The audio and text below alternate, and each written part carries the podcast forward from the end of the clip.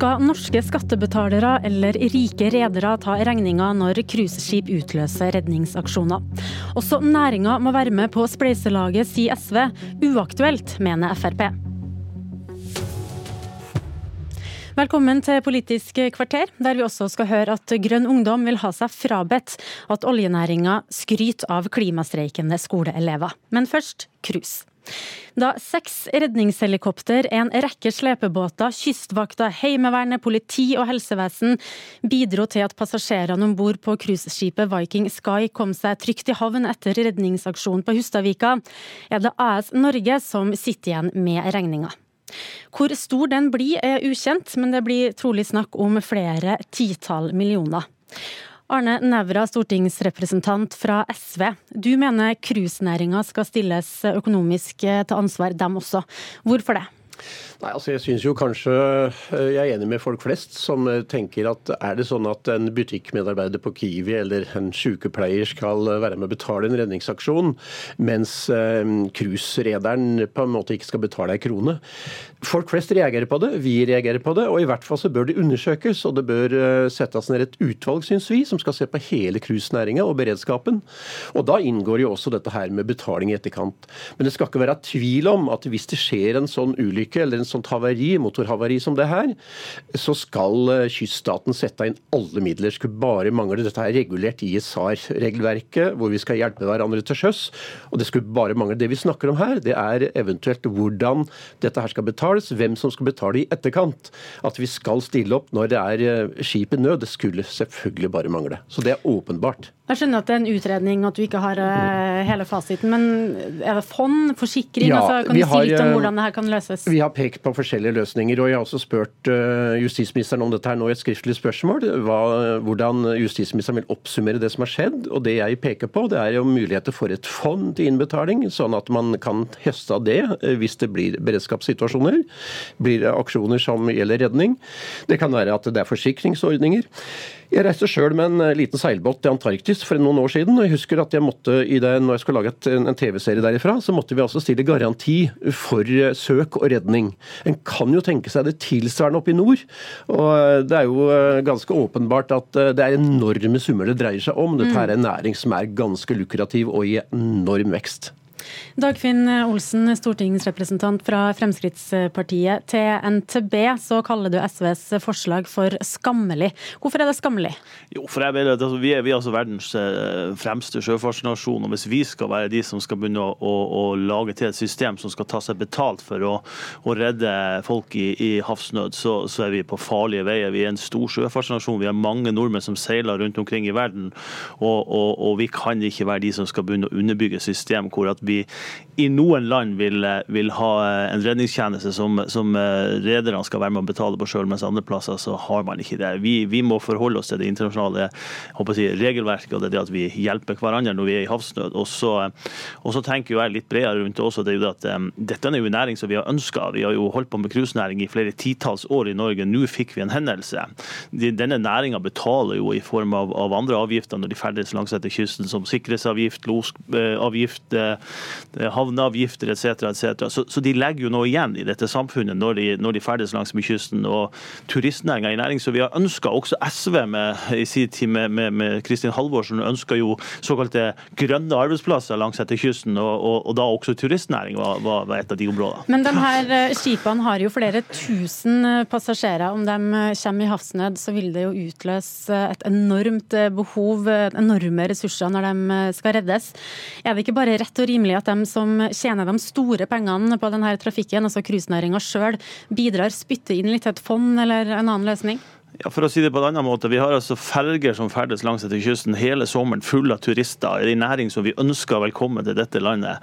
Eh, hvorfor skal det være bare betaler, skal da det samme gjelde for Hurtigruten, skal det gjelde for fergerederiene, skal det gjelde for Den norske turistforening, skal det gjelde for idrettslagene som arrangerer turer rundt omkring. Se på rasene som foregår, hvor folk ferdes i naturen eh, og blir tatt av ras. Det Sist oppe i Troms med noen svensker som, som omkom, hvor det òg var brukt store ressurser for å prøve å finne dem.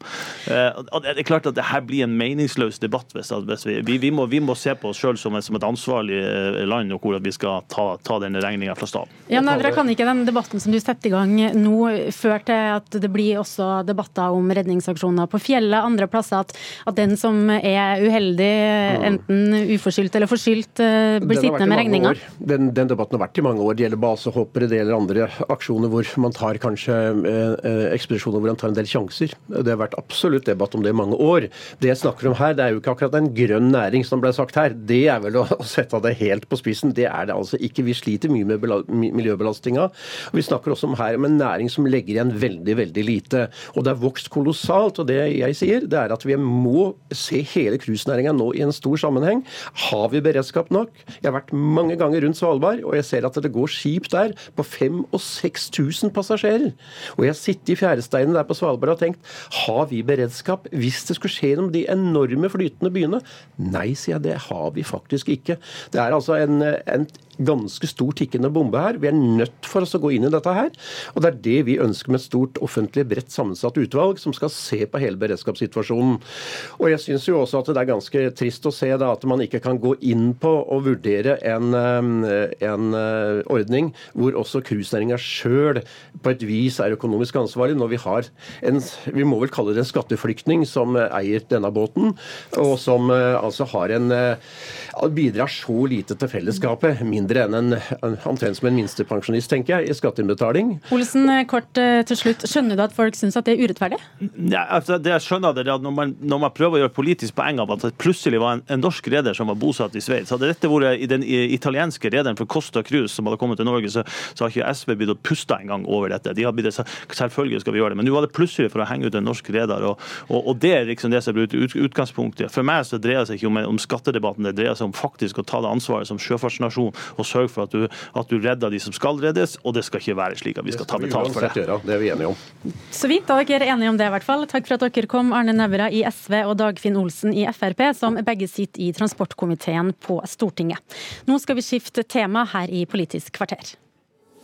Abonner på Politisk kvarter som podkast, og få sendingen rett til din mobil. Fredag så streika opp mot 40 000 norske skoleelever for en bedre klimapolitikk.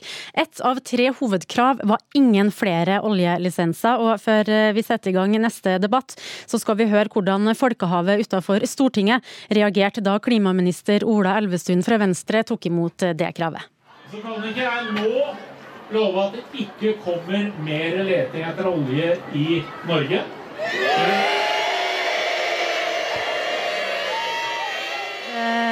buing der, altså.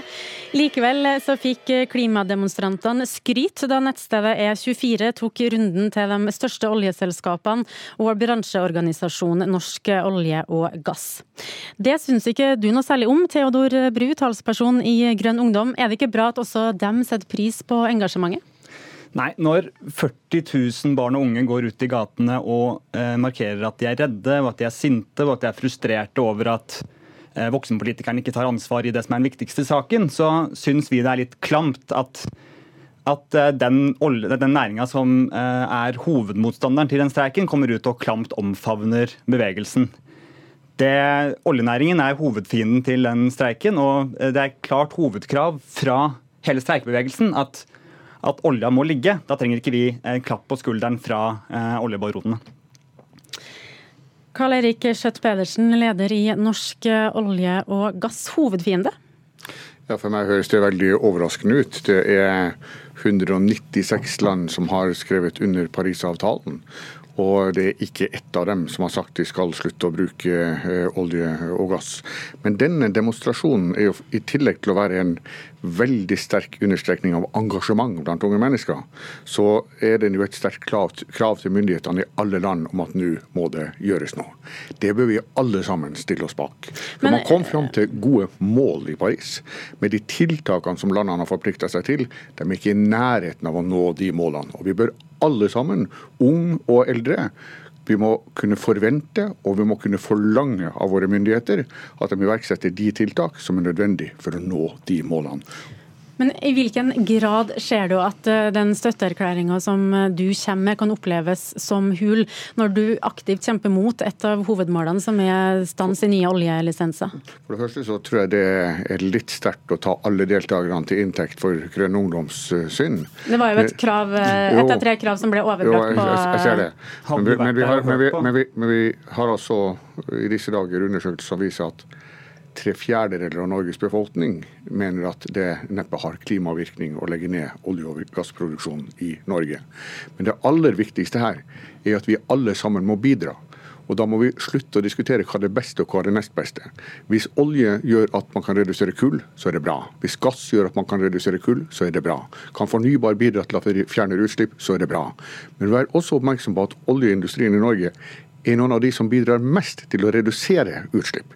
Dels ved å redusere utslipp fra egen produksjon, dels ved å stille gass, som gjør at vi kan redusere bruken av kull i land som Tyskland og Storbritannia, dels ved å utvikle CCS, som vi er helt avhengig av hvis vi skal nå målene fra Paris, og kanskje aller mest spennende, vi er i ferd med å utvikle muligheten for å bruke hydrogengass. Mm. Det betyr at vi kan ta klimagassutslippene ut av den gassen vi finner i Nordsjøen, og selge den til andre land. Det gjør at vi utvikler en gass som ikke i det hele tatt har utslipp knytta til seg. Det er en fantastisk ny mulighet. Fantastiske nye muligheter, sier Skjøtt Pedersen. Han sier at han støtter det dere demonstrerer for. Tror du ikke på Han gjør åpenbart ikke det. Eh, FNs klimarapporter er soleklare på at mesteparten av olje og gassen i verden må ligge i bakken hvis vi skal nå klimakravene. Hvis vi regner inn alle utslipp som kommer fra Norge, både innenriks og de som kommer av olja vi selger til utlandet, så står olja for rundt ni av ti utslipp. Selvfølgelig er det da hovedfienden til de som er opptatt av et levelig klima.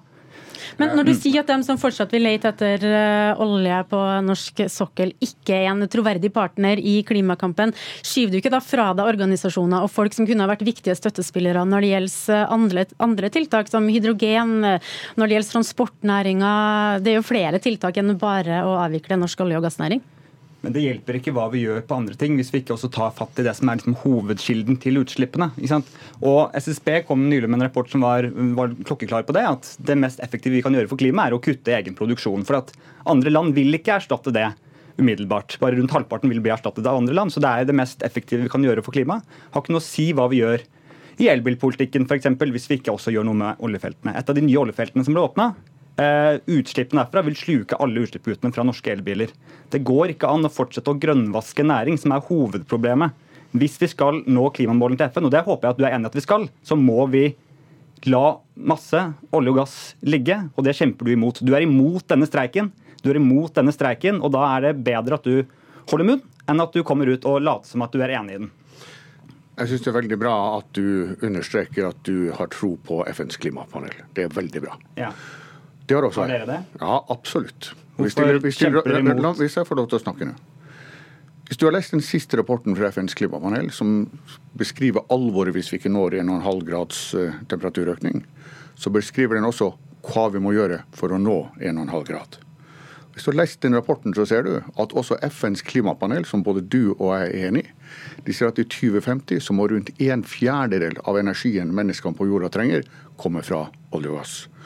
Og da er det en selvsagt ting at det må være best at den oljen og gassen kommer fra eh, de landene som har minst utslipp knytta til eh, sin olje. Og da har nå må du slutte. Norges olje og gass er ikke den reneste. Nå må, må, du slutte. Det er uansett ikke noe å si, for mesteparten av, mesteparten av utslippene for olje og gass kommer når den brennes i andre land, ja, ikke når den produseres. Ja, men helt riktig. Så dere må slutte å dra de løgnene om at norsk, norsk olje og gass er den reneste. Det er helt irrelevant. Nå må du være snill og roe deg ned. Og hvorfor skal Norge, som verdens rikeste land, være det landet som tar opp den siste olje og gassen? Da stoler vi på La Kjøtt Pedersen svare på beskyldning om løgn. Punkt 1. FNs klimapanel sier at en fjerdedel av verdens energi i 2050 må komme fra olje og gass så har du helt rett i at Norge er de som har minst utslipp knytta til sin produksjon. Men det er ikke det som er interessant. Nei, er sant nei, nei, men Vær nå snill og slutt. Det som er mer interessant, det er akkurat det du beskriver. Hva slags utslipp er det knytta til forbrenninga av den oljen og gassen? Og da er det slik at 70% av den oljen og gassen som, eller oljen som finnes igjen i verden, den er tung olje. Mens Norge har helt andre kvaliteter. Og det er gjort en grundig undersøkelse som ser på hva er utslippene knytta til den samla bruken av den oljen og gassen i løpet av hele livsløpet. Og da er det Norge som kommer gunstigst ut. USA som nummer to, og på den helt andre sida ser vi Venezuela. Mm. Og, og det, det skjønner at den, her, den hele linja om det her, den rekker vi rett og slett Ja, ikke så- å ta. derfor derfor Fordi dagens vi- Politiske kvarter det er over om eh, ti sekunder. Uh, Og så blir det en uh, nyhetsoppdatering før Nyhetsmorgen fortsetter. Mitt navn det er Siv Sandvik.